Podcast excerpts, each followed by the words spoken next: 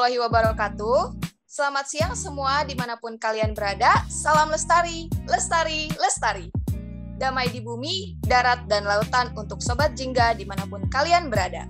Nah, uh, halo teman-teman Arkadia Podcast. Balik lagi di podcast kita kali ini. Uh, bareng gue, Getas, dan partner gue. Kumari. Jadi Dan- jangan sangka memutus laju arus pandemi COVID-19, tidak bosen-bosen nih kita ngingetin teman-teman santuy di rumah untuk tetap waspada dan tetap jaga kesehatan. Ingat, ibadah di rumah, kerja di rumah, dan satu lagi apa tas? Tetap siaran di rumah. Oke, rasanya kita udah jarang banget nih ya ketemu, Kum. Iya, udah lama banget, hampir tiga semester loh tas ya di rumah. BTW gimana Betul. Eh, lancar, walaupun as we all know lah ya, agak kesulitan dengan daring ini. Karena ya memang tidak masuk ya materinya. Cuman ya... ya, mahasiswa yang mengeluhkan itu. Betul, cuman ya kita tetap harus beradaptasi lah dan segala situasi. Ya, benar banget. Oke. Tapi kalau sekarang-sekarang ini lo lagi sibuk apaan tuh, Tas? Eh, magang sih ya, ya, lagi magang. Oke, Ini udah semester udah semester 7 sih ya, juga, jadi udah, udah dapat magang. juga. Jadi ya hanya kegiatan mahasiswa pada umumnya aja sih. Kalau lu sendiri gimana, Bu? Ya, sama sih. Kan kita Oh. satu jurusan, Mbak. lagi magang juga sama. Oh iya, Tas. Nggak kerasa nih, kita kan udah mau masuk tahun ajaran baru. Pastinya nih mahasiswa baru yang bertanya-tanya tentang beasiswa apa aja sih yang ada di UIN? Iya betul kum, apalagi untuk para maba nih kan, pasti kan masih uh, punya ambisi besar, apalagi beasiswa itu kan memang suatu hal yang membanggakan ya pastinya. Jadi uh, lagi nyari banget nih informasi caranya gimana, dapetinnya gimana dan segala macamnya. Betul tidak ibu kemari? Ya, betul banget. Dan sebenarnya tuh beasiswa yang ada di UIN tuh banyak banget ya, mulai dari yang dari kementerian sampai dari yang swasta tuh pasti ada. Makanya iya. nih kali ini kita akan bahas-bahas tentang beasiswa. Hmm, Oke, berarti tema podcast kali ini adalah kita akan ngobrol-ngobrol bareng nih sama para penerima beasiswa di UIN. Yaitu podcast kali ini adalah tips and trick mendapatkan beasiswa. Eh, jadi teman-teman, seperti yang tadi udah kemarin singgung ya, eh, kita tuh tadi teman-teman penasaran nih eh, beasiswa tuh dapetinnya kayak gimana, terus gimana caranya. Tadi juga kemarin udah singgung ternyata banyak banget loh beasiswa. Apalagi kebetulan eh, kita ini kan UIN ya dari Kemenang. Pasti memang ada nih beasiswa-beasiswa khusus untuk anak UIN karena memang iniannya juga beda. Bukan begitu Ibu Kumari? Iya, betul banget Tas. Mungkin langsung aja kali ini ya kita Mhm. kenalan sama para narasumbernya. Jadi Ah, kita boleh. udah siapin eh, beberapa narasumber keren-keren pastinya eh, penerima beasiswa yang ada di UIN. Eh, Hmm. Mungkin eh, kakak-kakak dan abang-abang sekalian bisa memperkenalkan dirinya satu persatu. Mungkin Oke. dari penerima beasiswa mana dulu nih yang duluan? Eh, dari ini kali ya yang eh, everyone know gitu, eh, jarum, beasiswa jarum kayaknya. Oh, oke oke ya boleh boleh. Penerima beasiswa Jarum. Silahkan. Oke. Uh, Oke, nama saya Intan Luki Rahayu, biasa dipanggil Intan. Halo. Halo Kak Intan. Uh, jadi uh, di sini uh, aku penerima beasiswa Jarum angkatan 35. Jadi sebenarnya penerima dua tahun yang lalu. Oh, I see. Ya, gitu. Oke. Oke. Salam kenal Kak Intan. Salam kenal. Oke, selanjutnya dari siapa lagi nih? Kum, kita kenalan sama yang mana dulu nih? Hmm, mungkin kita move ke beasiswa unggulan kali ya. Boleh. Silahkan, Kak. Oke, Assalamualaikum warahmatullahi wabarakatuh. Salam kenal semuanya. Perkenalkan aku Rima Syukria, awardi beasiswa unggulan tahun 2019. Halo Karima, selamat datang di podcast. Halo, Kak.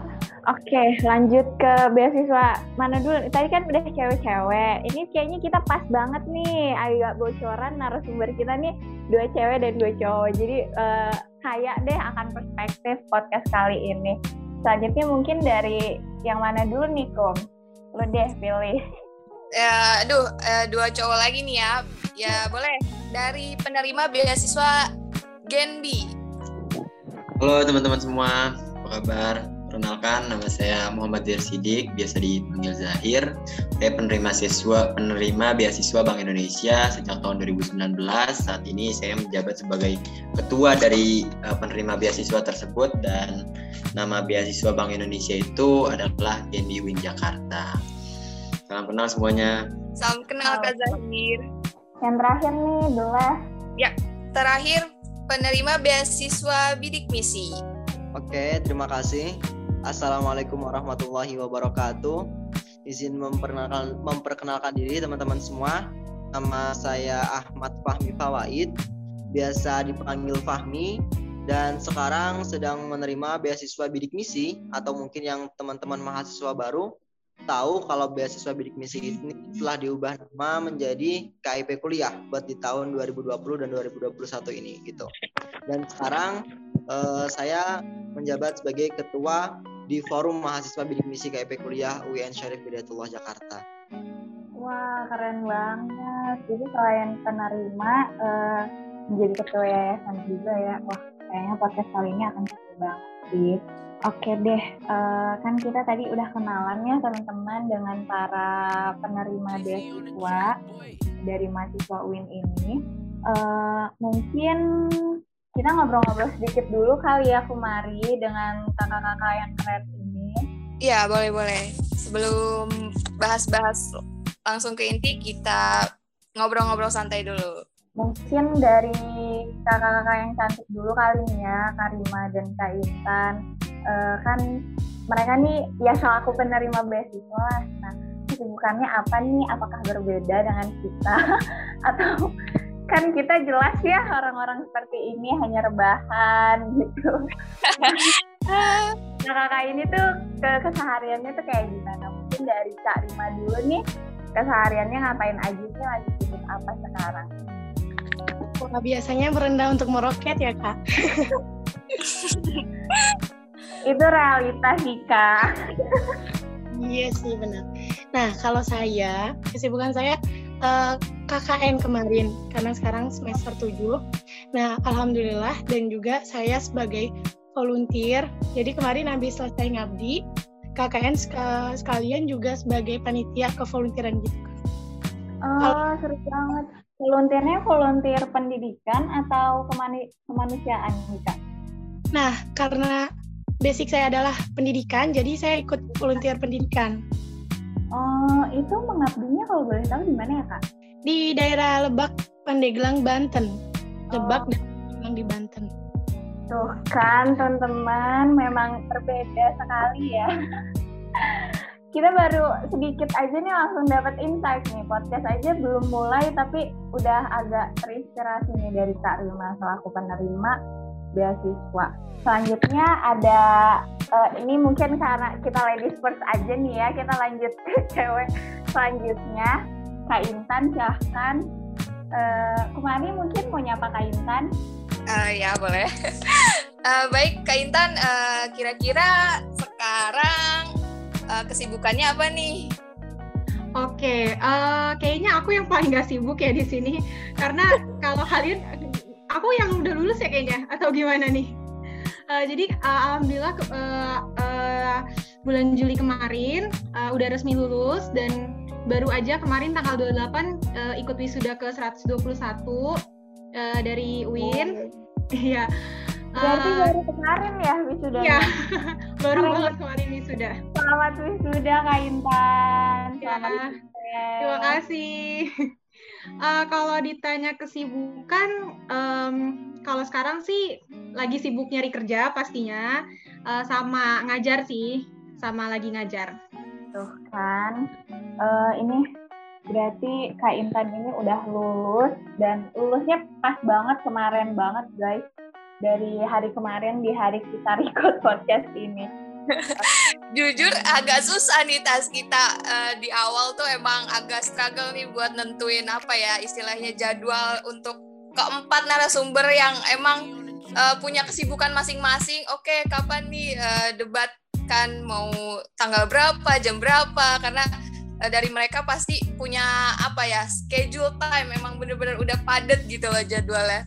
Gak kaget ya Bu, ini kan teman-teman ini kakak-kakak yang keren ini memang berbeza dengan kita semua. Mungkin selanjutnya siapa nih Kum? Kita ajak ngobrol. Boleh nih uh, Bang Fahmi. Uh, kesibukan ya sehari-hari sebenarnya sekarang juga uh, Fahmi bareng sama forum mahasiswa bidik misi KIP kuliah ya berjumlah 14 orang bekerja sama dengan PPM UIN Jakarta dan juga Balitbang Kemenak DKI Jakarta lagi uh, berkegiatan di Gunung Sindur tepatnya di Desa Pabuaran bikin desa model uh, kerukunan gitu. Gitu. Jadi sekarang posisi masih di Pabuaran cuman lagi free jadi bisa ikut uh, podcast kali ini. Gitu. Oh untung banget nih kita menjadi kita diluangkan waktunya spesial untuk podcast kali ini selanjutnya Kak Zahir nih Kak Zahir sibuk apa sekarang Waduh, ya alhamdulillah gue sendiri sih udah lulus ya dari UIN tapi belum wisuda karena nggak dapat kuota jurusan. Tapi alhamdulillah saat ini uh, kesibukan udah kerja di Bank BRI, posisinya relationship manager dana, tepatnya sih marketing kalau di sana. Oh, okay. Semoga uh, selanjutnya kalian mendapatkan kuota ya kak, agar segera diwisuda. Kita doain. Emang sengaja kok pengennya November. biar dapat beasiswanya tuh sampai semester 9 kan kalau di game itu dihitungnya sampai semester 9 oh siap siap siap siap belum apa-apa udah dikasih tips banget nih. Kali tapi kalau uh, langsung catat langsung catat jadi bank juga ya kak iya linear banget beasiswa dari BI kerja di bank Bank BUMN. Oke deh, uh, kan kita udah uh, nyapa-nyapa kakak-kakak yang ini. Teman-teman pasti kayak penasaran ya dari uh, background deh kayak uh, kenapa sih nyari beasiswa, kenapa daftar beasiswa, biar apa kayak gitu. Mungkin uh, basic banget nih uh, motivasinya deh, motivasi awal kenapa ingin daftar beasiswa? Mungkin dari Kak Jahir, boleh? Gimana tuh Kak Jahir? Motivasinya ya, kenapa dapat pengen dapat beasiswa gitu? Uh, yang pertama sih motivasi gue sendiri pengen dapat beasiswa adalah pengen hidup mandiri, nggak mau nyusahin orang tua, bisa memenuhi kebutuhan sendiri tanpa harus merepotkan orang lain itu yang pertama. Karena selama ini gue berpikir bahwa uh, kita nggak bisa hidup-hidupan terus di bawah keteknya orang tua gitu. Ngandelin uang jajan dari mereka bahkan bayaran pun juga kalau bisa kita harus mandiri. Uh, coba bandingin sama teman-teman kalian yang nggak bisa kuliah gitu. Mereka udah bisa cari kerja gitu kan. Nah ini jadi motivasi gue kenapa kok mereka sendiri eh, nggak uh, kuliah tapi bisa menghasilkan uang tapi di sisi lain gue yang kuliah belum bisa menghasilkan uang nah ini menjadi motivasi gue ketika pengen dapat beasiswa jadi gue pengen berusaha semaksimal mungkin bagaimana caranya gue kuliah ini tapi juga dapat income atau profit dari uh, apa namanya beasiswa yang gue dapat. Nah itu sih jadi motivasi utama kenapa gue pengen dapat beasiswa. Terus yang selanjutnya uh, memang dalam apa namanya pembukaan beasiswa ini kan beragam ya. Ada yang lewat jalur contohnya kayak bidik misi gitu kan yang mungkin buat yang menengah ke bawah menengah atau bahkan bebas kayak jarum siapa pun berhak ikut nah di Genbi pun waktu itu di tahun 2019 uh, eh, syarat masuk Genbi itu belum ada yang namanya SKTM gitu nah ini jadi ketertarikan gue yang paling gue minatin ya ini beasiswa bagus nih terus belum lagi gue lihat uh, track record alumninya juga bagus-bagus ada yang bisa melanjutkan sampai S2 ke Cina terus uh, kerja di berbagai perusahaan-perusahaan ternama. Nah ini jadi motivasi gue juga karena uh, benefit yang didapat bukan hanya uang saku tapi juga uh, progres ke depannya jelas di GNBO. Inilah yang menjadikan motivasi kuat gue kenapa pengen masuk di uh, GNB penerima penerima beasiswa Bank Indonesia. Belum lagi di GNB ini kalau teman-teman lihat uh, sebelum masuk GNB, gue kan banyak research ya cari tahu GNB itu gimana gitu. Nah ternyata Genbi ini menghubungkan uh, penerima beasiswa secara uh, nasional bahkan kita bisa kenalan sama penerima penerima beasiswa lain yang ada di berbagai macam uh, provinsi yang ada di Indonesia maupun universitas-universitas lain. Jadi juga membangun relasi kita ke depannya seperti apa. Nah ini yang gue pengenin ya memang dapat beasiswa Genbi ini dan alhamdulillah uh, sampai saat ini bahkan ketika lulus pun gue masih mendapatkan uh, apa namanya beasiswa dari Bank Indonesia kayak gitu sih mungkin kurang lebihnya. Wah keren banget sih. Jadi mungkin karena ngelihat beberapa fenomena ya di sekitar teman-teman ada beberapa yang dapat, kenapa kita juga enggak gitu kan? Betul, betul. Uh, ini udah dijelasin banyak banget juga nih teman-teman. Ternyata di Genbi ini benefitnya kita jadi punya peluang lebih besar untuk mendapatkan pekerjaan misalnya ke depannya terus uh, luas juga relasinya yang tadi udah disinggung wah lengkap banget ini jadi teman-teman mungkin yang penasaran sama beasiswa Genji udah kebuka nih kan sedikit oh ternyata uh, benefitnya tuh dari Genji tuh banyak sekali gitu mungkin selanjutnya siapa nih Kum yang kita tanyain uh, dia kali ini boleh dari Karima dulu. Oke, okay. tadi pertanyaannya motivasi untuk mendapatkan beasiswanya gitu ya Kak ya? Iya betul. Nah kalau dari aku pribadi, motivasi aku untuk mendapatkan beasiswa mungkin juga kurang lebih pasti kita semua sama uh, untuk meringankan beban orang tua kita. Tapi dari aku pribadi ada motivasi yang berbeda. Karena ketika aku mikir kalau misalnya aku aku pengen bantu orang banyak, aku ingin berguna bagi orang. Tapi ketika aku nggak punya uang sendiri, nggak masih minta ke orang tua, gimana cara aku bisa bantu orang banyak ya? Akhirnya uh, pas maba, aku cari tahu tentang beasiswa, walaupun aku anak rantau, dapatlah ketemulah beasiswa unggulan yang mana persyaratannya itu pas nih. Waktu itu persyaratannya harus harus uh, nggak boleh orang tuanya ini ini ini gitu. Tapi aku mikir nggak beasiswa ini tuh uh, bisa orang lain dapatkan entah dia anak siapa pun entah dia uh, baik anak guru atau dia anak siapa pun tapi dia bisa dapat beasiswa. Karena motivasi dia berbeda gitu. Akhirnya saya daftar beasiswa ini untuk bantu orang banyak. Dan uh, saya mikir kayak ketika saya pengen saya ikut ke volunteeran saya benar dari maba ikut ke volunteeran ikut ngajar anak-anak. Emang dari awal suka sama anak-anak. Tapi ternyata ketika kita daftar itu mengeluarkan uang, ada fee komitmennya. Nah, saya mas, saya anak kerantau masa saya mau mau daftar sesuatu saya harus minta ke orang tua. Saya mau saya mau saya melakukan sesuatu itu nggak minta ke orang tua gitu. Akhirnya saya daftar beasiswa unggulan dan alhamdulillahnya dengan apa yang saya usahakan, dengan apa yang saya ikhtiarkan, uh, saya keterima di beasiswa unggulan tersebut di tahun 2019.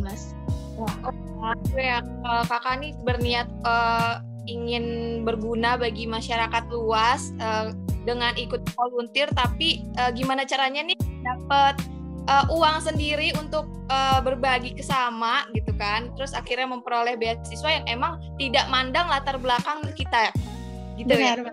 Benar banget. Iya dan gue uh, pribadi amazed sih sama tadi narasi pertama tuh selain untuk membantu diri pribadi tapi ada sisi lain untuk membantu orang lain gitu akhirnya uh, dengan kita ikut beasiswa untuk menolong diri kita sendiri aja itu udah mulia banget gitu dan ini uh, ada sisi lain yang lebih lebih mulia gitu selain membantu diri uh, juga membantu orang lain terkesima sih Thank you insight-nya Karima. Mungkin selanjutnya motivasi dari Kak Intan kali ya. Apalagi ini kan kebetulan Kak Intan sudah lulus. Mungkin ada yang uh, apakah beasiswa Jarum ini menemani banget dari awal sampai kelulusan ini atau bagaimana? Silahkan Kak Intan. Oke, makasih atas kesempatannya. Uh, jadi gini, hmm, motivasi mendapatkan beasiswa mungkin untuk hmm, banyak orang pasti yang paling utama itu uh, di bagian finansialnya ya. Jadi uh, biasanya memang yang paling sering ditanyakan ketika penerima beasiswa, kenapa sih kamu pengen dapat beasiswa itu? Biasanya ketika kita wawancara pun yang di, uh, di paling di uh, dilontarkan oleh kami itu pasti uh, bantuan finansialnya itu yang pertama. Uh, lalu yang kedua, kenapa sih uh, pengen daftar si beasiswa Jarum ini gitu? Waktu itu kenapa pengen banget uh, beasiswa Jarum Plus ini tuh beda sama beasiswa yang lain. Jadi kalau misalkan beasiswa lain mungkin cuman di bagian finansialnya doang, tapi yang membedakan beasiswa Jarum dengan beasiswa yang lain itu adalah uh, program-programnya. Jadi selain mendapatkan dana beasiswa selama satu tahun, Beasiswa Jarum, jadi Beasiswa Jarum itu adalah sebutan bagi kami penerima program Jarum Beasiswa Plus, itu juga mendapatkan berbagai macam pelatihan keterampilan lunak atau yang sering kita sebut sebagai soft skills. Uh, jadi uh, salah satu uh, ada empat. Yang pertama itu nation building, character building, leadership development gitu, dan ada competition challenge serta international exposure kayak gitu. Um, sama waktu itu tuh sebenarnya beasiswa Jarum ini bukan beasiswa pertama yang saya daftar. Jadi sebelumnya itu ada tiga beasiswa, ada dua. Yang pertama itu ada Mandiri Tunas Finance, tapi saya terhalang sama IPK. Jadi waktu itu saya IPK saya itu nggak sampai 3,5. Jadi di persyaratan saya langsung gugur. Yang kedua itu ada kejar mimpi dan kejar mimpi itu juga saya kalah waktu di interview. Nah, alhamdulillahnya percobaan ketiga di Jarum Beasiswa Plus ini alhamdulillahnya rezekinya mungkin di sini kayak gitu. Wah, oke, okay, menarik ya. Jadi uh, mungkin teman-teman juga baru tahu ternyata penerima beasiswa di Jarum juga mendapatkan banyak uh, materi, apalagi uh, soft skill yang itu tuh jarang banget didapat di uh, perkuliahan mungkin ya kan. Oke, okay. mungkin selanjutnya yang terakhir nih Kum. Ya silahkan Kak Fahmi. Oke, okay. uh, motivasi awal saya ya mungkin juga sama ya, setuju banget dengan ketiga pembicara sebelumnya bahwasanya yang pertama adalah ke finansial gitu, membantu orang tua gitu. Apalagi uh, kalau beasiswa bidik misi ini ya yang sekarang KIP kuliah itu kan kita bisa daftar dari mahasiswa baru gitu kan. Meskipun kita tetap bayar UKT awal dulu ya tetap bayar UKT awal dulu. Terus kemudian setelah kita mendapatkan beasiswa eh, UKT awal kita dikembalikan gitu. Dan di beasiswa bidik misi ini kita mendapatkan uh, bayaran UKT dan juga living cost gitu itu yang membuat saya tertarik terus kemudian uh, di beasiswa di biayainya itu sampai lulus ya. Jadi targetnya itu 8 semester gitu. Setelah 8 semester balik ke UKT awal lagi.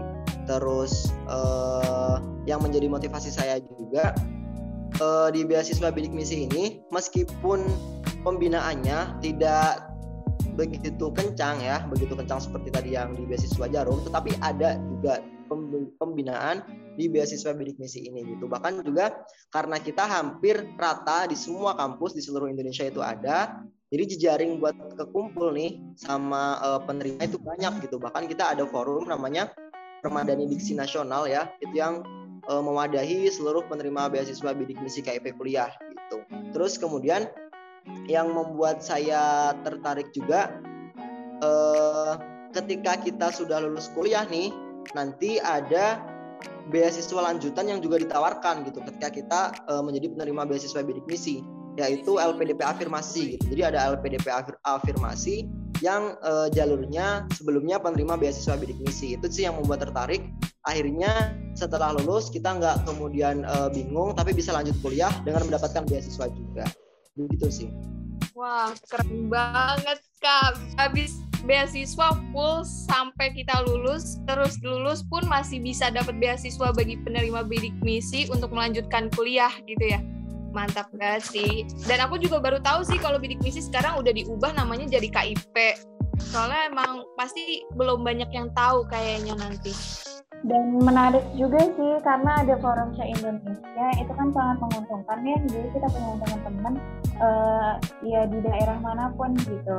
Menarik menarik. Uh, mungkin selanjutnya uh, kita ke pertanyaan berikut. Uh, pastikan ketika kita mendengar beasiswa uh, mungkin persepsi yang ada di kepala kita itu adalah syaratnya yang belibet atau mungkin banyak diperlukan berkas-berkas atau segala macam uh, itu kan uh, ya itu pasti ada persepsi pertama lah ketika kita ingin uh, ingin daftar beasiswa atau mendengar kata beasiswa. Mungkin uh, kalau misalnya secara teknis uh, kita kan bisa googling gitu ya. Mungkin aku pengen tahu uh, lebih ke uh, syarat yang emang uh, apa ya kayak gak yang teknis banget yang ada di ininya gitu. Mungkin dari Kak Intan bisa dikasih tahu kira-kira apa sih syarat khusus dari beasiswa Jarum? Oh, mungkin lebih ke syarat administratif kali ya. Uh, ya. Jadi kalau untuk beasiswa Jarum itu syaratnya itu pastinya dia itu harus menempuh pendidikan S1 atau diploma 4 di semester 4.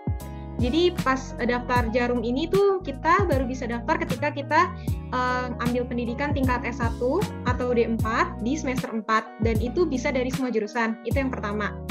Uh, terus yang kedua itu kalau tahun aku tuh IPK minimalnya itu masih 3,3,00 tapi semenjak satu tahun setelah aku itu IPK minimalnya itu 3,2 IPK minimalnya. Jadi itu pun pada semester 3 kayak gitu. Terus abis itu syarat berikutnya bisa mempertahankan IPK minimum 3,2 tersebut hingga akhir semester 4. Lalu selanjutnya yang pastinya itu aktif mengikuti kegiatan organisasi baik di dalam maupun luar kampus karena nanti pada saat seleksi penyerahan berkas karena kan berkas itu kan akan dikirim lewat pos uh, itu akan ada surat keterangan kalau kita tuh aktif organisasi kayak gitu. Lalu yang keempat itu uh, tidak sedang menerima beasiswa dari pihak lain. Itu sih empat yang paling utama untuk syarat beasiswa jarum beasiswa plus. Oh, Oke okay, baik. Berarti ini aku baru tahu juga ya. Berarti memang harus dimulai dari semester 4. Tadi kan uh, kalau Kak Fahmi udah singgung di bidik misi itu bisa dimulai dari mahasiswa baru. Tapi kalau misalnya beasiswa jarum itu kita mulainya dari semester 4 ini informasi baru juga sih untuk aku pribadi dan mungkin untuk teman-teman sobat hingga semua yang dengerin podcast. Mungkin selanjutnya siapa nih Kom? Ya uh, selanjutnya boleh dari Kak Zahir. Oke, uh, kalau untuk syarat-syarat masuk GNB sih sebenarnya ada beberapa kriteria khusus yang diterapkan. Jadi sebenarnya GNB itu terbagi jadi dua buat yang uh, Genbi unggulan sama reguler. Nah kebetulan yang di Win itu cuma ada yang reguler, unggulannya nggak ada. Jadi kalau kriteria umumnya atau administrasinya itu uh, bisa dapat beasiswa Genbi untuk mahasiswa aktif di semester 3 dan 5. Lalu yang kedua diprioritaskan berasal dari enam fakultas sebanyak 16 jurusan. Apa aja sih fakultasnya gitu? Yang pertama ada FEB. FEB itu semua jurusan Terus yang kedua FST, Sains dan Teknologi itu matematika, agribisnis, PI yang SI. Terus FSA cuma hukum ekonomi syariah sama ilmu hukum. Terus ada Dividikom, jurnalistik sama KPI doang. Terus divisip ilmu politik sama sosiologi dan yang terakhir FITK di pendidikan matematika. Nah, kenapa sih 16 jurusan aja yang diprioritaskan? Karena 16 jurusan inilah yang diproyeksikan oleh BI uh, bisa mengga, apa namanya mengisi pos-pos sebagai eh, calon-calon karyawan nantinya di Bank Indonesia. Tapi uh, melalui proses apa namanya administrasi uh, juga di Bank Indonesia seperti itu kurang lebihnya sih kayak gitu kenapa hanya 16 jurusan aja? Karena 16 jurusan ini yang dibutuhi oleh Bank Indonesia gitu. Lalu yang ketiga IPK-nya itu minimal 3,25 terus punya prestasi di bidang akademik maupun non akademik terus aktif juga dalam kegiatan sosial kemasyarakatan contohnya kayak kegiatan-kegiatan volunteer mengajar dan lain-lain atau mungkin aktif di Karang Tarunanya terus juga nggak boleh nih nerima beasiswa lain contohnya udah dapat bidik misi terus ikutan Genbi nggak boleh gitu terus juga menandatangani surat perjanjian bahwa akan berperan aktif dalam organisasi generasi baru Indonesia atau Genbi.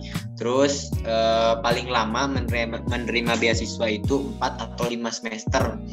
Eh, dan eh, batas maksimal mentoknya itu semester 9. Contoh misalkan dapat di semester eh, 5 gitu. Terus semester eh semester 7 contohnya semester 7 kayak yang kayak kemarin baru masuk nih itu kan melalui proses waiting list ya.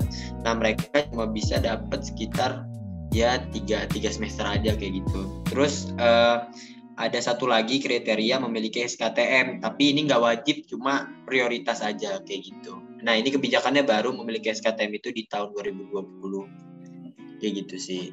Oh gitu. Terus tadi uh, kalau nggak salah uh, beasiswa untuk Genbi sendiri dibagi jadi dua, ada yang unggulan dan reguler. Ah betul. Uh, itu apa bedanya ya kak? Kalau yang unggulan itu dapatnya beda dua saku sih pastinya. uang sakunya itu lebih tinggi sekitar 9 juta. Nah kalau yang reguler 6 juta.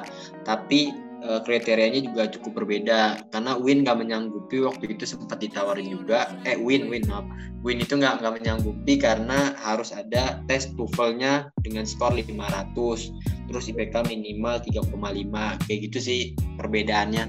Perbedaannya hanya itu sih dari segi administratifnya. Oh, oke okay, oke. Okay. jadi yang itu hanya ada yang reguler saja ya yang unggulan? nah yang unggulan itu cuman ada di kampus-kampus kayak UI, IPB, UGM, sama di Erlangga kalau nggak salah. Jadi cuma oh. beberapa kampus aja yang dapat beasiswa Gendi unggulan itu. Dan memang kuotanya cuma satu kampus itu 20 orang gitu. Baik, baik. Oke deh. Uh, selanjutnya mungkin dari Karimah. Oke. Sama kayak sebelumnya pastinya di setiap beasiswa adanya persyaratan umum dan persyaratan khusus nih teman-teman.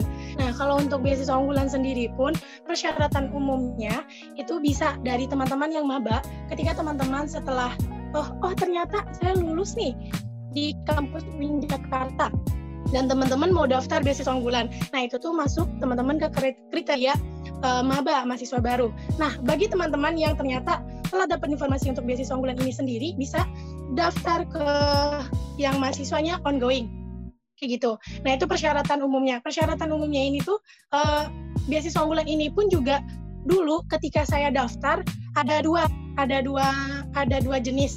Jadi ada bagi bagi teman-teman yang daerah 3T 3T yang terpencil, tertinggal, terdalam dan ada bagi teman-teman yang berprestasi yang dia tidak termasuk daerah 3T tapi dia uh, ingin daftar ke beasiswa unggulan ini.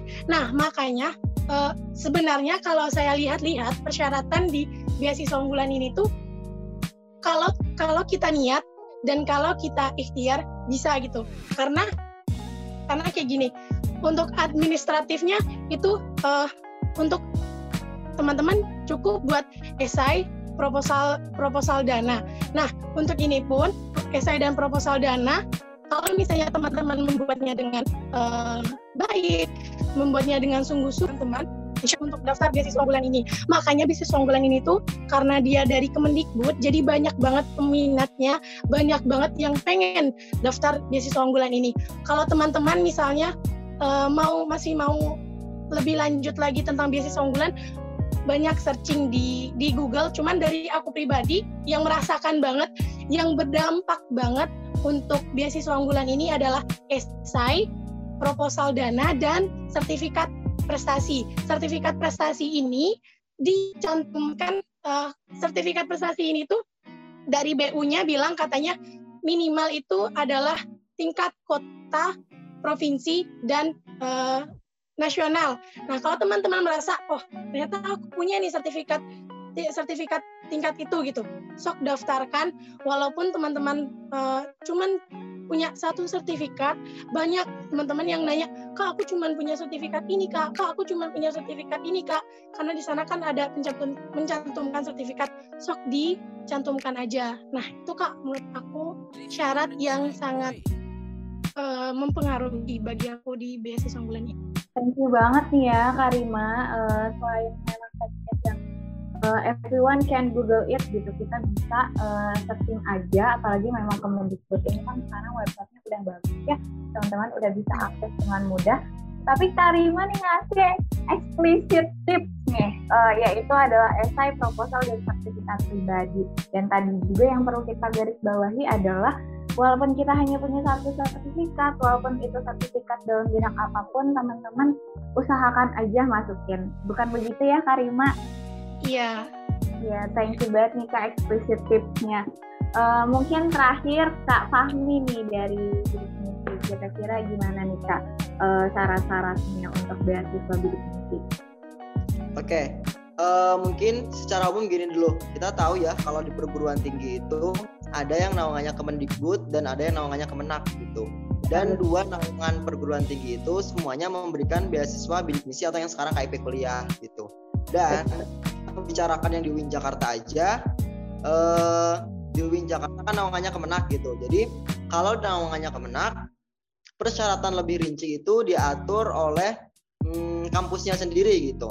Jadi UIN Jakarta mengatur persyaratannya sendiri dengan beracuan kepada aturan umum yang ada di Kemenak gitu. Jadi yang disyaratkan di uh, UIN Jakarta itu adalah mahasiswa baru. Ini yang buat pendaftaran angkatan 2021 kemarin ya, yang barusan tanggal 28 Agustus kemarin tutup buat jalur SPMB Mandiri.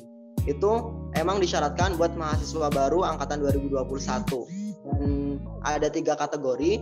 Kategori yang pertama itu kategori mereka yang mendaftar memiliki uh, tiga kartu prioritas uh, program pemerintahan. Apa sih uh, eh, KJP kartu Jakarta Pintar, terus kemudian KKS atau PKH gitu, dan satu lagi KIP. Sewaktu kuliah, eh, sewaktu SMA-nya dia punya KIP, maka juga diprioritaskan ketika kuliah lanjut ke beasiswa KIP kuliah gitu. Terus yang kategori yang kedua itu mahasiswa yang dia mahasiswa baru terdampak COVID gitu, baik eh, di PHK ataupun orang tuanya meninggal karena COVID kayak gitu. Pokoknya yang terdampak COVID. Terus yang ketiga itu mahasiswa baru yang dia berprestasi nih berprestasi secara, secara akademik dan non akademik yang dapat dibuktikan tentunya juga eh, dia UKT-nya 1 sampai 3 gitu. Jadi ketiga kategori itu yang bisa mendaftar di beasiswa KIP kuliah gitu. Terus kemudian setelah eh, menjadi penerima beasiswa IPK yang disyaratkan buat uh, penerimanya buat yang apa fakultasnya atau jurusannya itu sosial humaniora keagamaan itu tiga terus yang buat saintek dikasih keringanan nih sama UIN Jakarta 2,75 itu yang disyaratkan di KIP kuliah udah sih itu mungkin uh, tadi kan udah disebutin nih uh, apa persyaratan persyaratannya. Terus uh, aku boleh nanya nggak nih sama Kak Fahmi uh, selaku penerima beasiswa bidik misi atau KIP sekarang? Uh, kakak kan sebagai ketuanya nih, mungkin apa kakak yang mengkoordinir apa ya penerima beasiswa bidik misi di UIN gitu? Oke, ya. Jadi mungkin gini ya, beasiswa penerima beasiswa bidik misi KIP kuliah di UIN Jakarta setiap tahunnya itu meningkat dan uh, terakhir yang angkatan 2020 ya yang udah keterima satu tahun yang lalu 597 orang gitu. Itu angkatan 2021 eh 2020 dan kalau misal saya sendiri yang mengkoordinir itu kan mungkin kewalahan banget ya makanya kita ada koordinator-koordinator angkatan. Dan nanti ada lebih terkerucut lagi ada koordinator-koordinator fakultas. Mereka yang bakal ngebantu uh, kayak misal setiap semester bikin laporan terus misal ada kendala di beasiswanya itu nanti gitu urutan koordinasinya dari koordinator fakultas terus ke koordinator angkatan baru ke kepengurusan forma bikip gitu. Nanti kita yang bakal melanjutkan kepada pengelola. Dan kebetulan pengelola kita adalah pihak kemahasiswaan gitu UIN Jakarta. Tapi untuk siswa bidik misi sekarang ini sudah atau belum Pak? Uh, eh, KIP kuliah tahun 2021 ini buat jalur mandiri udah tutup 28 Agustus kemarin dan kayaknya itu memang uh, pembukaan terakhir ya karena semua jalur sudah bisa mendaftar tapi nggak tahu lagi nih nanti kebijakan kampus misalkan ternyata masih ada kuota pasti bakal dibuka lagi buat umum gitu. Oh oke okay, oke. Okay. Wah menarik banget ya. Tadi kan kita udah mengerti dari semua uh, penerima beasiswa yang berbeda-beda. Teman juga mungkin sudah mengerti ternyata ada beberapa yang memang uh, di luar syarat umum seperti administratif uh, ada hal yang berbeda seperti beasiswa jarum yang memang ada di empat, terus tadi yang dari Bank Indonesia jurusannya, terus juga Kemendikbud yang uh, tadi nih dikasih tips yang eksplisit banget, uh, itu yang paling mempengaruhi. Dan uh, bidik misi yang ternyata banyak banget jalurnya gitu. Banyak banget uh, jenis-jenisnya. Jadi mungkin uh, lebih banyak juga nih peluang dan terbukanya untuk teman-teman semua mendaftar di beasiswa tersebut. Mungkin kita lanjut ke pertanyaan selanjutnya, yaitu ini yang paling menarik sih buat aku pribadi. Mungkin memang ini pertanyaannya agak personal ya kakak-kakak. Cuman uh, mungkin inilah yang akan memotivasi teman-teman nih, memotivasi sobat yang dengerin podcast kali ini. Uh, berapa sih uang yang diterima uh, dari beasiswa tersebut? Uh, mungkin uh, kakak kalau misalnya memang itu sangat personal bisa jawab kisarannya aja atau ya kayak kategori misal itu mencukupi atau tidak seperti itu. Mungkin yang pertama dari Karima kali ya. Gimana nih Kak? Wah, sebenarnya kalau untuk nominal uh, setiap penerima beasiswa unggulan itu berbeda-beda nih Kak Kenapa? Karena beasiswa unggulan ini eh, nggak uh, memukul rata menerima segini gitu, enggak. Tapi beasiswa unggulan ini kenapa bisa berbeda di setiap uh, awardee? Karena dia mengikuti UKT kita berapa. Kalau misalnya UKT kita tinggi, biasanya orang itu uh, nerimanya tinggi, tinggi juga gitu. Tapi kalau UKT kita uh, nggak terlalu tinggi, uh, kita nerimanya juga nggak terlalu tinggi. Tapi yang sama itu ada jadi beasiswa unggulan itu uh, ada tiga tiga tiga poin.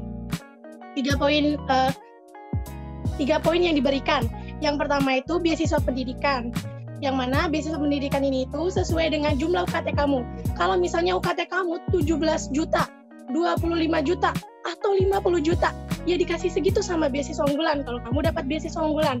Nah yang kedua itu adalah biaya hidup. Nah kalau biaya hidup ini baru dipukul rata. Semuanya sama.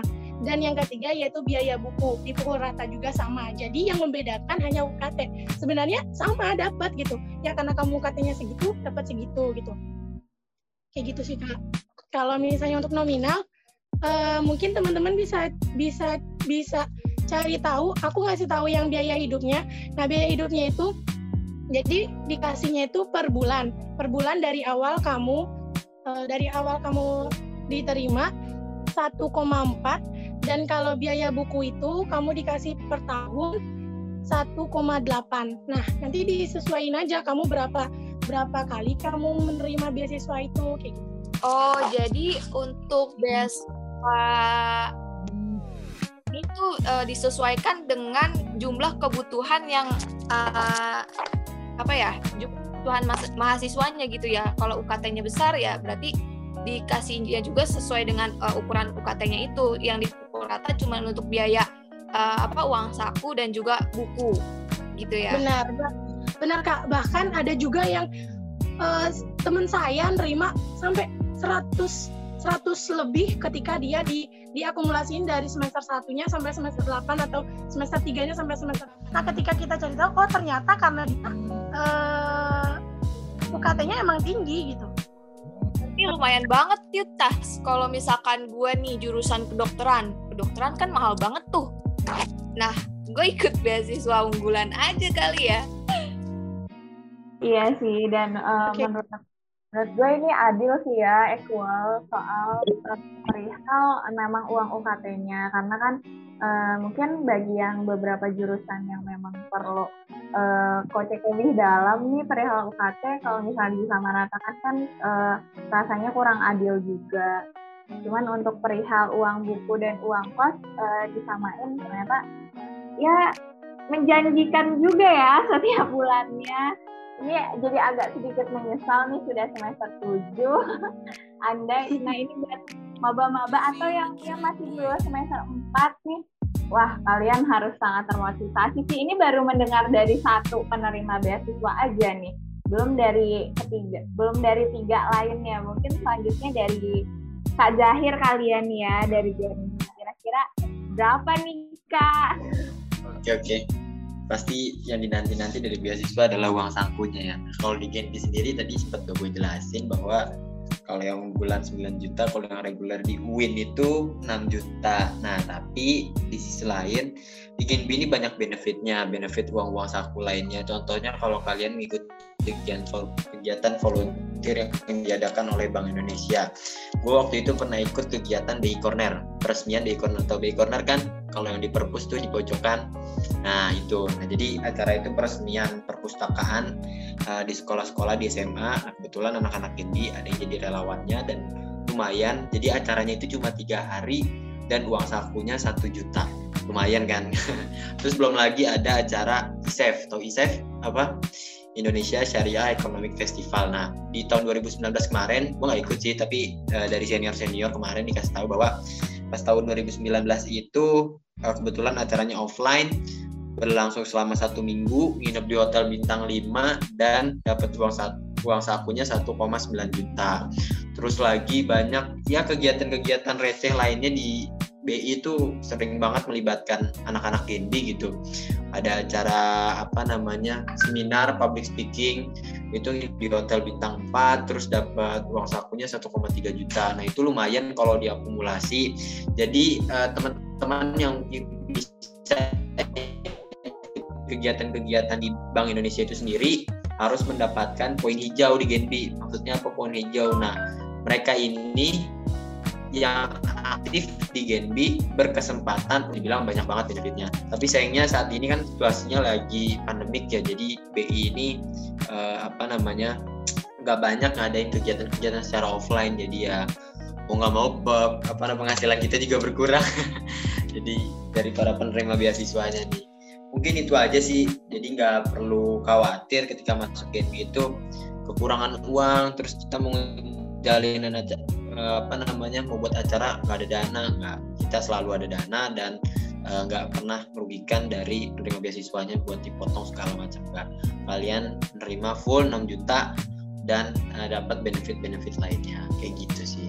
Wah menarik ya. Ternyata selain menerima uang beasiswa ada juga acara-acara yang uh, kita dapat uang saku dan jumlahnya juga cukup menjanjikan sekali ini Wah sangat.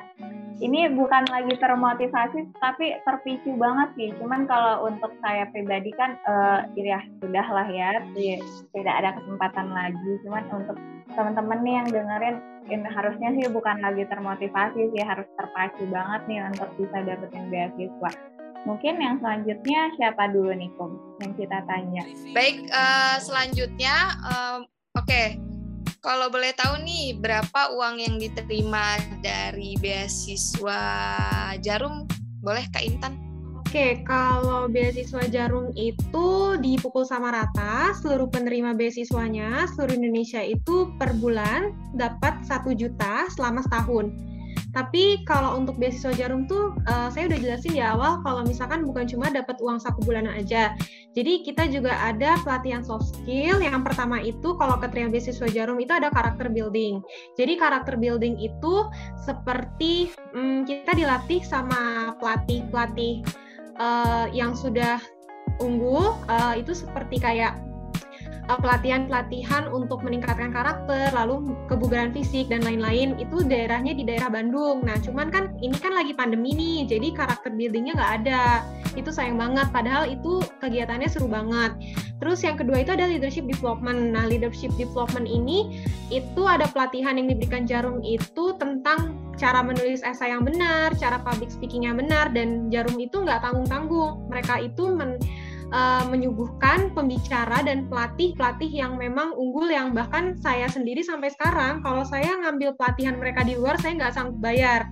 Salah satunya itu Riko Anggara. Riko Anggara itu uh, sekarang itu jadi jurnalis di Kompas TV. Dia tuh sering banget masuk TV uh, untuk kayak kayak membaca membaca berita. Lalu kemarin itu saya dilatih juga sama uh, menulis esai itu sama Maria Staman. Maria Staman itu dari CEO dari Java Java Java Group kalau nggak salah Java buah kayak gitu. Jadi kayak salah satu startup buah gitu. Uh, lalu yang ketiga itu ada nation building. Nah kalau nation building ini adalah uh, tempat kita untuk menyalurkan bakat kita. Jadi nanti di nation building ini akan ada kayak pementasan. Pementasannya itu uh, benar-benar uh, kita dari beasiswa Jarum seluruh Indonesia akan berkumpul satu di situ. Nah biasa itu tempatnya itu ada di daerah Semarang.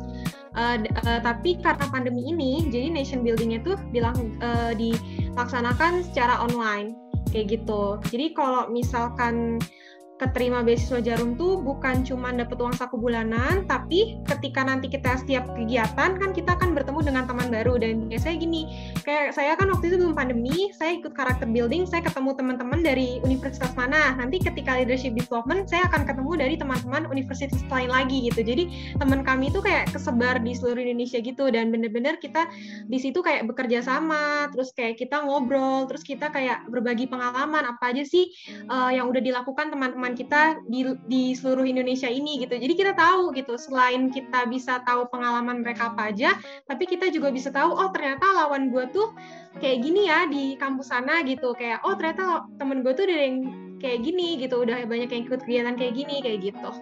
Ini sisi lain sih ya selain nominal yang mungkin memang uh, bikin termotivasi dan ya kita realistis lah ya nominal membuat kita uh, termotivasi untuk dapetin beasiswa. Tapi ini uh, banyak sekali nih kegiatan yang memang bermakna gitu dan bernilai dan hal-hal ini kan nggak itu tadi yang udah Pak Intan singgung juga kalau misalnya nggak ikut di Jarum kita belum tentu bisa uh, bayar untuk mendapatkan pelatihan dari orang-orang yang tadi udah Kak Intan sebutkan. Okay.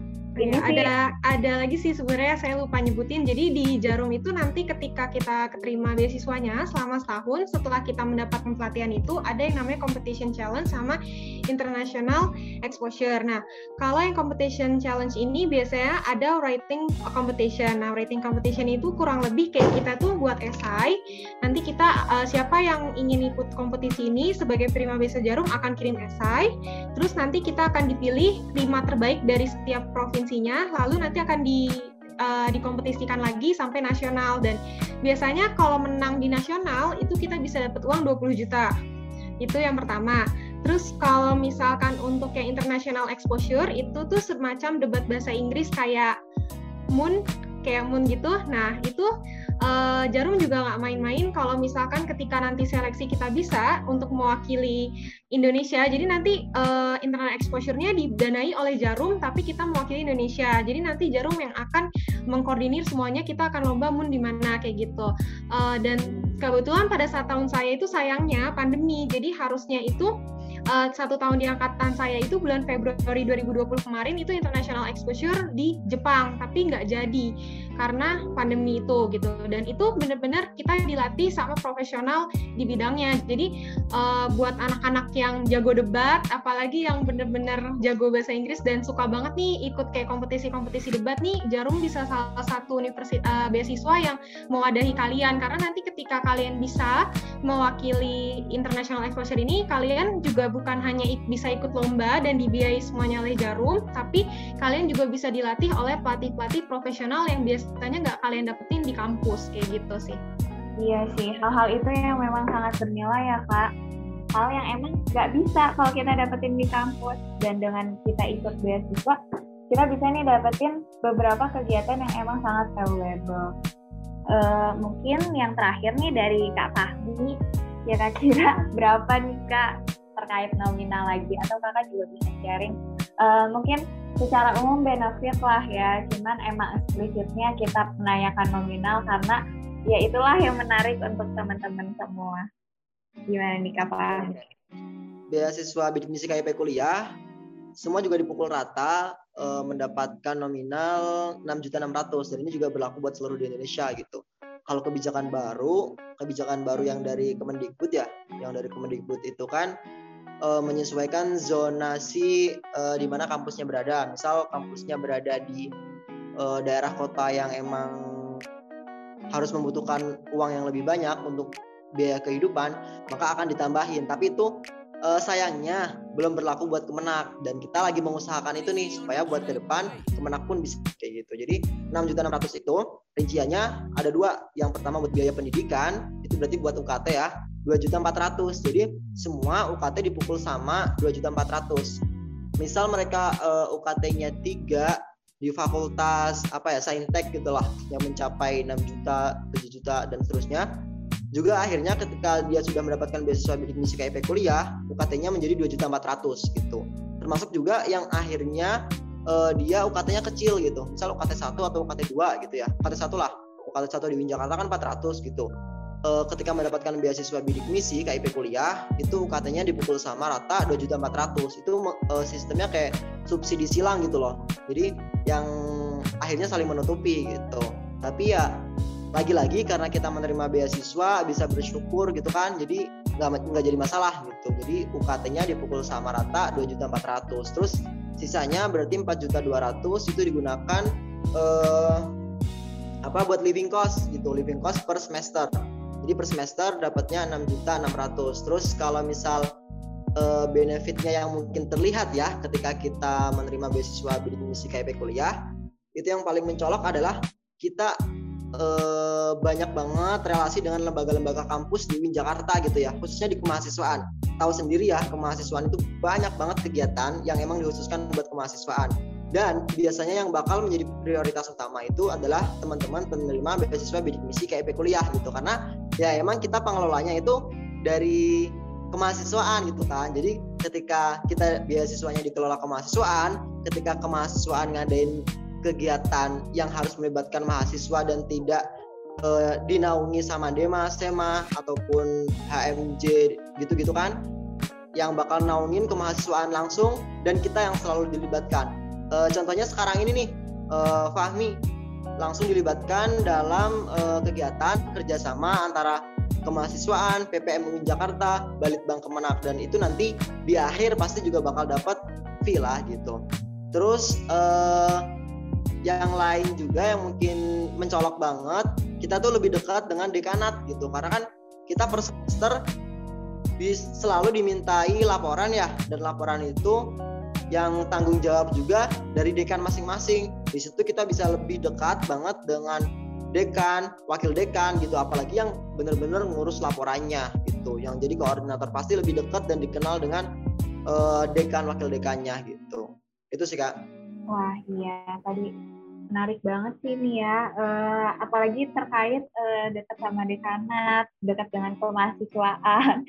Hal itu kan uh, ibaratnya nggak uh, semua orang bisa dapetin kesempatan tersebut. Itu sangat menjanjikan juga sih. Mungkin uh, pertanyaan selanjutnya nih Kumari silahkan. Ya oke. Okay. mungkin ini yang bakal ditunggu-tunggu sama sobat jingga ya kan? Gimana sih tips and trick buat lolos beasiswa? Nah mungkin uh, bisa dimulai dari Karima dulu gimana nih uh, tipsnya tadi? Mungkin sudah disinggung beberapa ya tapi kita ulang lagi aja. Uh, gimana nih tips and trick buat lolos biar bener-bener gimana sih caranya uh, eh, gue bisa dapetin beasiswa itu? Oke okay. kita bisa aja berusaha tapi semuanya tergantung dari Allah Subhanahu Wa Taala. Benar bukan kak? Ya betul. Nah, pak. Betul banget kalau dari saya pribadi, saya punya enam poin buat teman-teman yang ingin mengikhtiarkan di beasiswa unggulan. Nah, poin yang pertama yaitu bikinlah esai semenarik mungkin. Karena poinnya di sini tuh di esai ini tuh kita akan menceritakan keunggulan kita karena karena kan namanya beasiswa unggulan. Bagaimana cara kamu menceritakan keunggulan kamu punya dan itu berguna untuk bangsa dan negara kita selanjutnya kayak gitu. Nah terus yang kedua yaitu persiapkan diri kamu untuk wawancara.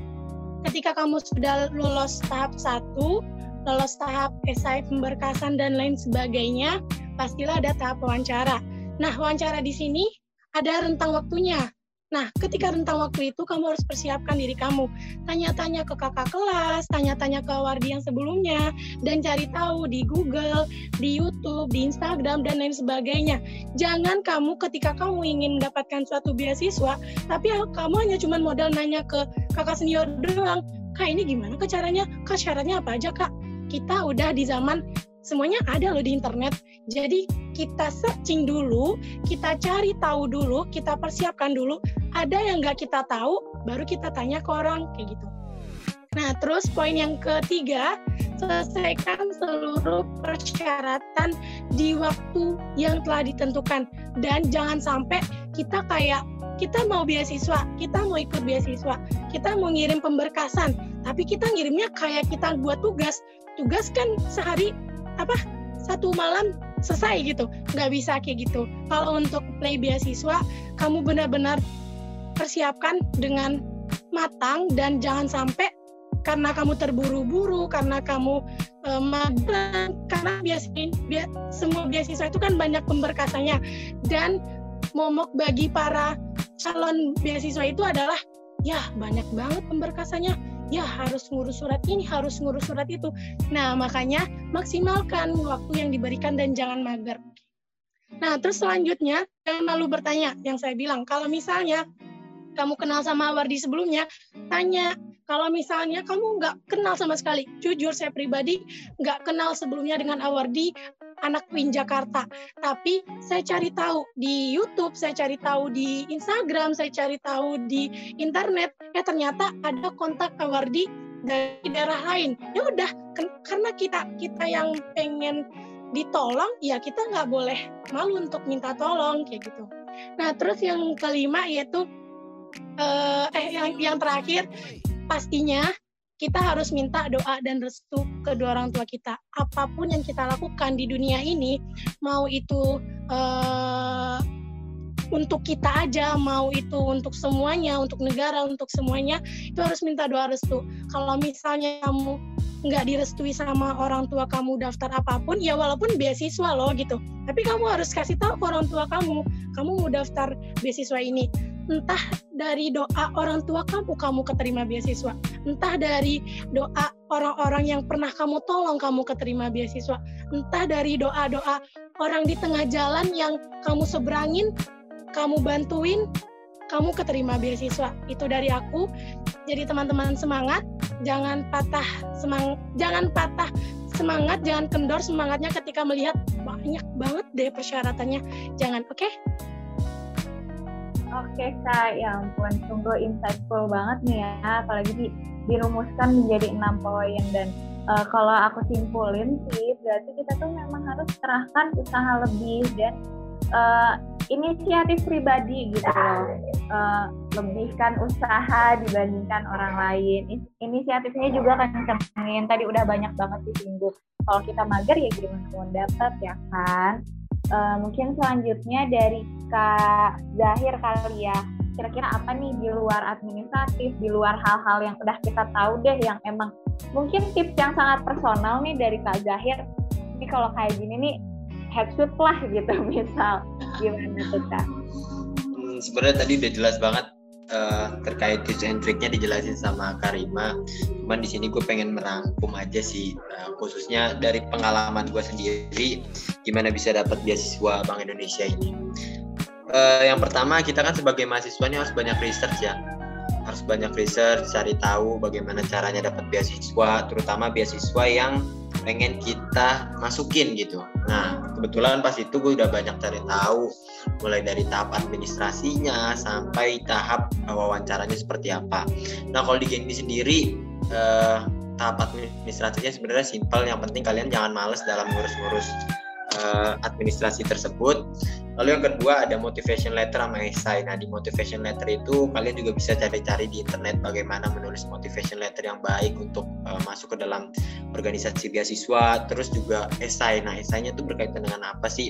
Esainya itu berkaitan dengan kebijakan kebang sentralan atau seputar uh, ekonomi-ekonomi, isu ekonomi terkini.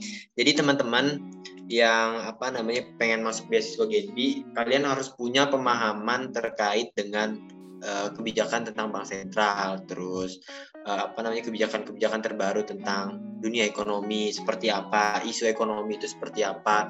Jadi jangan terlalu buta lah dengan isu-isu ekonomi terkini. Yang paling penting adalah uh, tugas dan tanggung jawab Bank Indonesia itu seperti apa, karena itu bakalan muncul di uh, wawancara kalian. Terus juga uh, kalian harus bisa menggali potensi atau kepribadian kalian itu di mana. Karena nantinya uh, pada tahap wawancara atau tahap wawancara psikotes itu kalian akan diulas lebih dalam lagi terkait kepribadian kalian itu di mana. Terus kalian itu uh, apa namanya cocoknya seperti apa. Jadi kalian harus memahami diri kalian sendiri. Seperti itu sih. Terus yang selanjutnya kalau dari gue sendiri banyak sedekah itu yang paling penting. Karena Eh, nggak uh, lupa manusia itu tujuannya untuk bermanfaat buat orang lain bukan untuk diri sendiri. Jadi ketika kalian punya rezeki berapapun itu perbanyaklah sedekah walaupun sedikit tapi yang terpenting adalah istiqomah dalam menjalankan sedekah itu. E, mungkin oh iya yang paling penting lagi satu lagi ya doa orang tua. Itu yang paling penting sih. Itu nggak bakal itu yang pasti dijabah sama Allah dan uh, kalian insya Allah kalau udah di orang tua itu senang dan apa namanya mendapatkan restu pasti insya Allah masuk beasiswa terima beasiswa. Mungkin itu aja. Oke okay, baik. Berarti memang hampir sama ya kayak kita tuh kalau mau dapat beasiswa harus uh, niat kita di diri kita udah mulai searching, cari tahu, apalagi kita kan udah uh, hidup di zaman dengan teknologi yang canggih gitu kan, kita bisa memperoleh informasi itu dari mana-mana. Jadi tapi tidak lupa juga uh, kita harus tawakal gitu ya. Kita udah usaha nih, terus uh, kita serahkan semuanya juga ke yang di atas gitu dengan kita bersedekah dengan kita member, uh, apa meminta doa restu dari orang tua atau dari teman-teman kita uh, yang insya Allah itu bisa menolong kita dapat beasiswa tersebut. Nah, oke mungkin tips and trik selanjutnya bisa disampaikan oleh Kak Intan. Udah dijelasin ya banyak banget sama Kak Rima dan Kak Zahir. Uh, kalau misalkan untuk beasiswa jarum itu yang pertama kan kita pendaftaran itu di, di bisa dilakukan oleh mahasiswa semester 4 nah saran dari aku tuh untuk adik-adik terutama maba dari semester 1 dan sampai 3 kalau bisa itu aktif organisasi itu yang pertama. Dulu aku tuh sering banget ikut volunteer di luar kampus terus uh, di kampus juga aku waktu itu pernah juga jadi koordinator sponsorship untuk acara jurusanku namanya parsial. Itu uh, lalu aku juga selain aktif organisasi dan ikut volunteer aku juga ngajar waktu itu. Jadi aku ngajar matematika uh, itu yang pertama aktif jadi harus aktif lalu yang kedua itu betul jadi kalau mau daftar kalau mau dapat beasiswa itu harus tahan banting menurutku. Jadi nyari tahu, nyari tahu terus gitu. Entah itu searching, entah itu nanya-nanya, entah itu datang langsung ke administrasi si uh, penerima apa si pembuat beasiswanya gitu kan. Uh, itu sih. Lalu kalau misalkan nih daftar beasiswa satu terus nggak keterima itu jangan kecil hati gitu jadi harus dicoba lagi gitu entah itu beasiswa yang lain atau coba lagi tahun depan beasiswa yang sama kayak gitu. Terus abis itu doa orang tua ya penting. Jadi harus benar-benar dapat restu dari orang tua. Lalu juga rajin, rajin kuliahnya. Jadi jangan sampai ketika kasihkan organisasi nih, terus IPK-nya jadi jelek kayak gitu kan. Nah itu juga nggak nggak boleh karena beasiswa itu biasanya nggak cuman ngeliat anak-anak yang pintar dalam artian IPK-nya bagus, tapi juga dia mau anak-anak yang aktif organisasi kayak gitu. Jadi harus balance keduanya kayak gitu.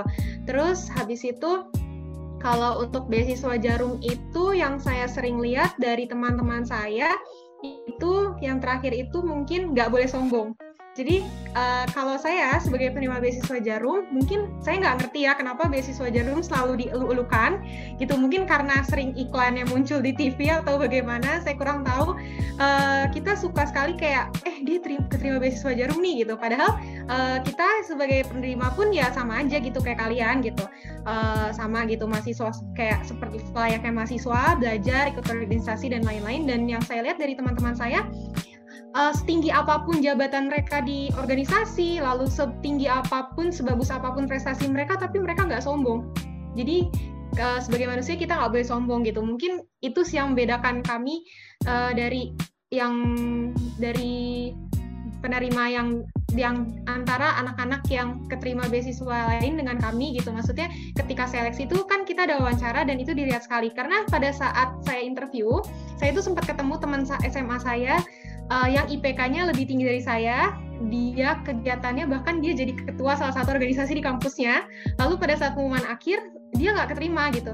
Terus saya yang keterima, saya kayak kenapa ya dia tuh nggak terima gitu. Padahal dari sisi IPK dia bagus dan ini mungkin juga merupakan tips yang dari beasiswa-beasiswa yang lain gitu bahwa attitude tuh yang paling utama gitu. Jadi karena uh, itu sih, jadi kita nggak boleh sombong dengan apa pun pencapaian yang sudah kita dapatkan kayak gitu. Iya betul kak. Uh, mungkin uh, aspek-aspek yang lain kan tadi udah banyak dibahas ya dari usaha, doa, ikhtiar dan segala macam. Tapi tadi memang yang sangat menarik tuh sombong, attitude dan dan ya yang lain memang uh, mungkin teman-teman juga uh, ada beberapa yang belum tahu tapi memang EQ itu emosional emosional tuh lebih penting gitu ya seperti sikap dan lain-lain dibandingkan EQ. Jadi ya tadi udah ada kasus nyatanya gitu walaupun IPK-nya tinggi belum tentu keterima kalau misalnya memang attitude-nya kurang jadi ini perlu digarisbawahi banget nih buat teman-teman perlu dicatat banget uh, banyak aspek lain yang memang sangat berpengaruh dan jangan diabaikan. Mungkin terakhir dari Kak Fahmi nih tips and triknya gimana untuk dapetin beasiswa? Oke, kalau dari saya uh, sama ya, yang secara umum sama dengan teman-teman semua ketika berusaha mencari beasiswa, uh, tentu berusaha secara maksimal, jangan lupa berdoa dan berkebaikan, minta restu tua gitu ya, itu wajib yang harus kita lakukan tuh. Terus eh, hal-hal lainnya yang mungkin bisa kita lakukan supaya bisa memperoleh beasiswa tetap yang pertama kita nyari informasi gitu karena sekali lagi beasiswa bidik misi KIP kuliah secara umum aturan ada gitu. Tapi secara lebih spesifik itu diserahkan ke universitas masing-masing khususnya di UIN Jakarta gitu ya.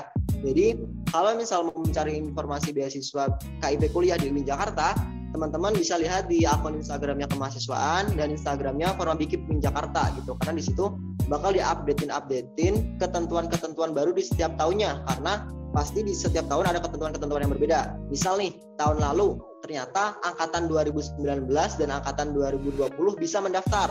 Tapi buat tahun ini nggak bisa nih hanya dikhususkan untuk tahun 2021 gitu.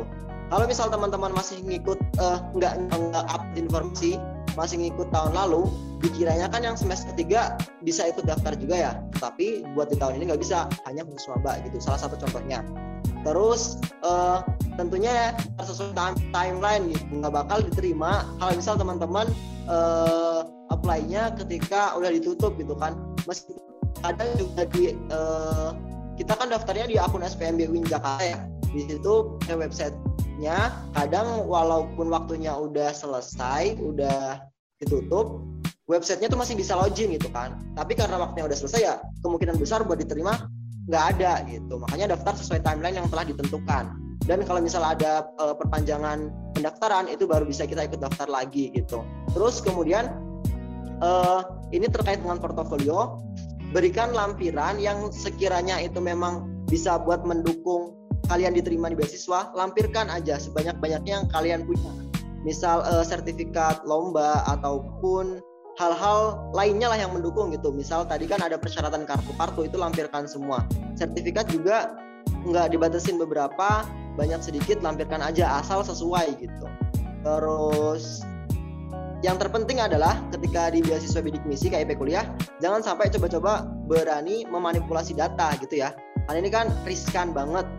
Uh, apalagi meskipun teman-teman uh, membutuhkan ya membutuhkan beasiswa tapi dilakukan dengan hal-hal yang tidak baik kecurangan pasti nanti juga nggak bakal nikmat buat menjalankan uh, sebagai status penerima beasiswanya. Pasti ada rasa nggak nikmat gitu makanya jangan coba-coba berani memanipulasi data. Kalau buat angkatan 2021 ini ya sama 2020 kemarin karena posisinya pandemik buat wawancara nggak uh, bisa dilakukan tatap muka di kampus gitu kan. Biasanya kan di kemahasiswaan tapi kalau buat sekarang paling kemahasiswaan mencocokkan data yang teman-teman submit dan yang dikirim ke UIN Jakarta berkasnya bakal dikoreksiin. Nanti kalau misalnya nggak ada yang ada yang nggak sesuai, pasti teman-teman bakal ditelepon, di video call gitu dan teman-teman harus bisa menjawabnya dengan data yang ada gitu. Bahkan nggak semena-mena tuh. Kadang-kadang kemahasiswaan bisa uh, video call di mana saat itu teman-teman berada supaya nunjukin uh, misal keadaan rumah ataupun hal-hal lain yang terkait dengan data yang telah teman-teman input. Jadi sekali lagi jangan coba-coba berani buat uh, manipulasi data kayak gitu. Udah sih kak. Ah oke. Okay. Keren banget pokoknya nih uh, keempat narasumber kita. Uh, kita jadi tahu nih uh, khususnya untuk para mahasiswa baru.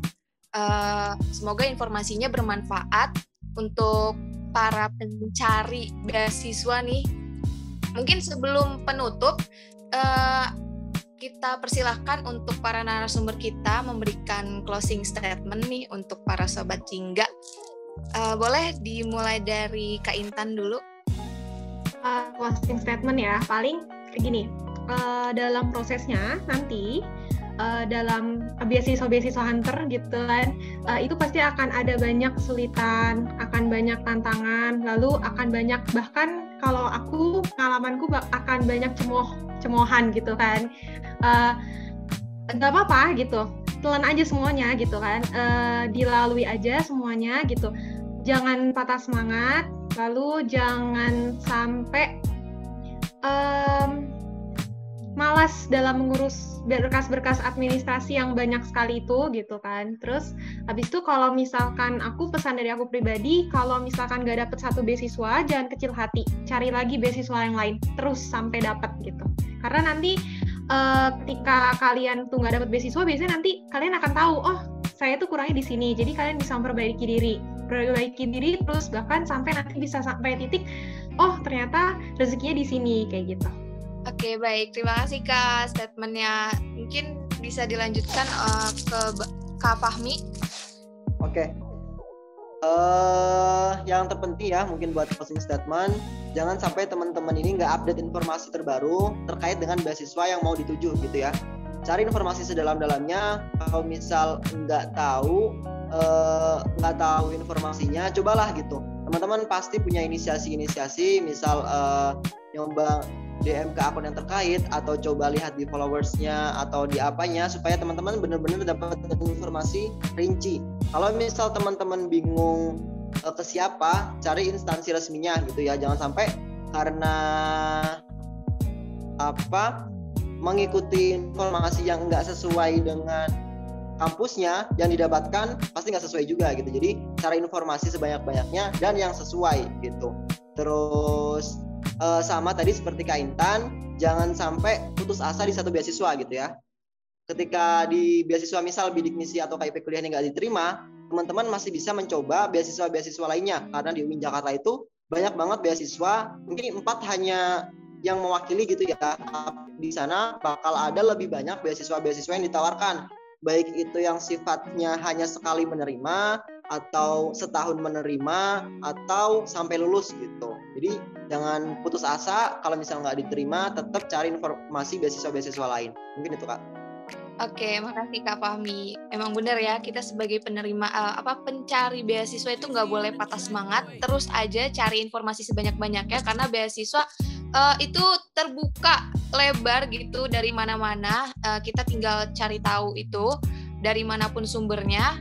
Oke, untuk yang selanjutnya uh, boleh dari Kak Zahir memberikan closing statement. Oke, uh, closing statement dari saya, saya ingin kasih kuat buat teman-teman semua bahwa bercita-citalah segila mungkin sampai eh, cita-cita uh, itu menjadi waras. Artinya apa? Ketika kalian punya cita-cita yang kalian inginkan, jangan pernah kalian pesimis termasuk dengan beasiswa ini. Mungkin kalian menganggap bahwa hal ini adalah hal yang impossible atau tidak bisa kalian raih. Tapi percayalah, ketika kalian sudah berdoa dan berusaha, maka doa adalah petunjuknya dan usaha adalah jalannya. Jadi uh, nikmatilah proses kalian selama kuliah. Walaupun kalian gak dapat beasiswa, jangan bersedih hati. Mungkin di apa namanya di jenjang pendidikan yang lebih lanjut di S2 bahkan kalian bisa mendapatkan beasiswa mungkin dari doa-doa itulah kalian bisa mendapatkan petunjuk dari keinginan yang kalian uh, mimpi mimpi mimpikan seperti itu jadi jangan pernah uh, patah semangat dan yang terpenting adalah Eh, terus berdoa, terus berdoa dan usaha itu aja sih. Oke baik, makasih Kak Zahir. Jadi kita nggak boleh uh, patah semangat dan terus berdoa ya. Itu patut digaris bawahi. Oke, yang selanjutnya yang terakhir, uh, Karima uh, untuk memberikan closing statement.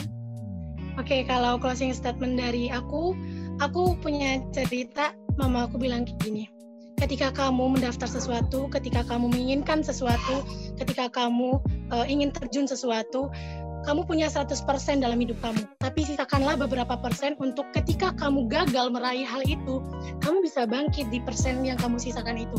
Jadi ketika kamu mendaftar beasiswa, kamu jangan serahkan kayak kamu berharap 100%-nya gue bakal keterima enggak tapi sisakanlah beberapa persen ketika kamu gagal ketika kamu nggak dapat beasiswa itu seperti kata Kak Intan kita harus selalu mencoba nah mencobanya itu dengan persen yang kita yang kita tinggalkan itu semangat yang kita tinggalkan itu dan aku selalu megang kata-kata kata-kata setiap aku jalan setiap aku ke mana pun kata-katanya kayak gini, tetaplah menjadi orang baik karena kamu tidak akan tahu kebaikan mana yang akan menggiring kamu untuk mendapatkan sesuatu yang baik.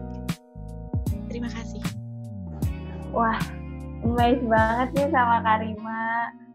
Memang sih tadi juga kan udah uh, mungkin ini relevan ya sama yang tadi Karima udah singgung juga kayak uh, kita doa tuh doa kita mungkin dikabulin dari siapa aja. Ini ini kayak relevan banget sama tadi kalimatnya tetap jadi baik. Mungkin kebaikan yang mana yang akan dikabulkan seperti itu.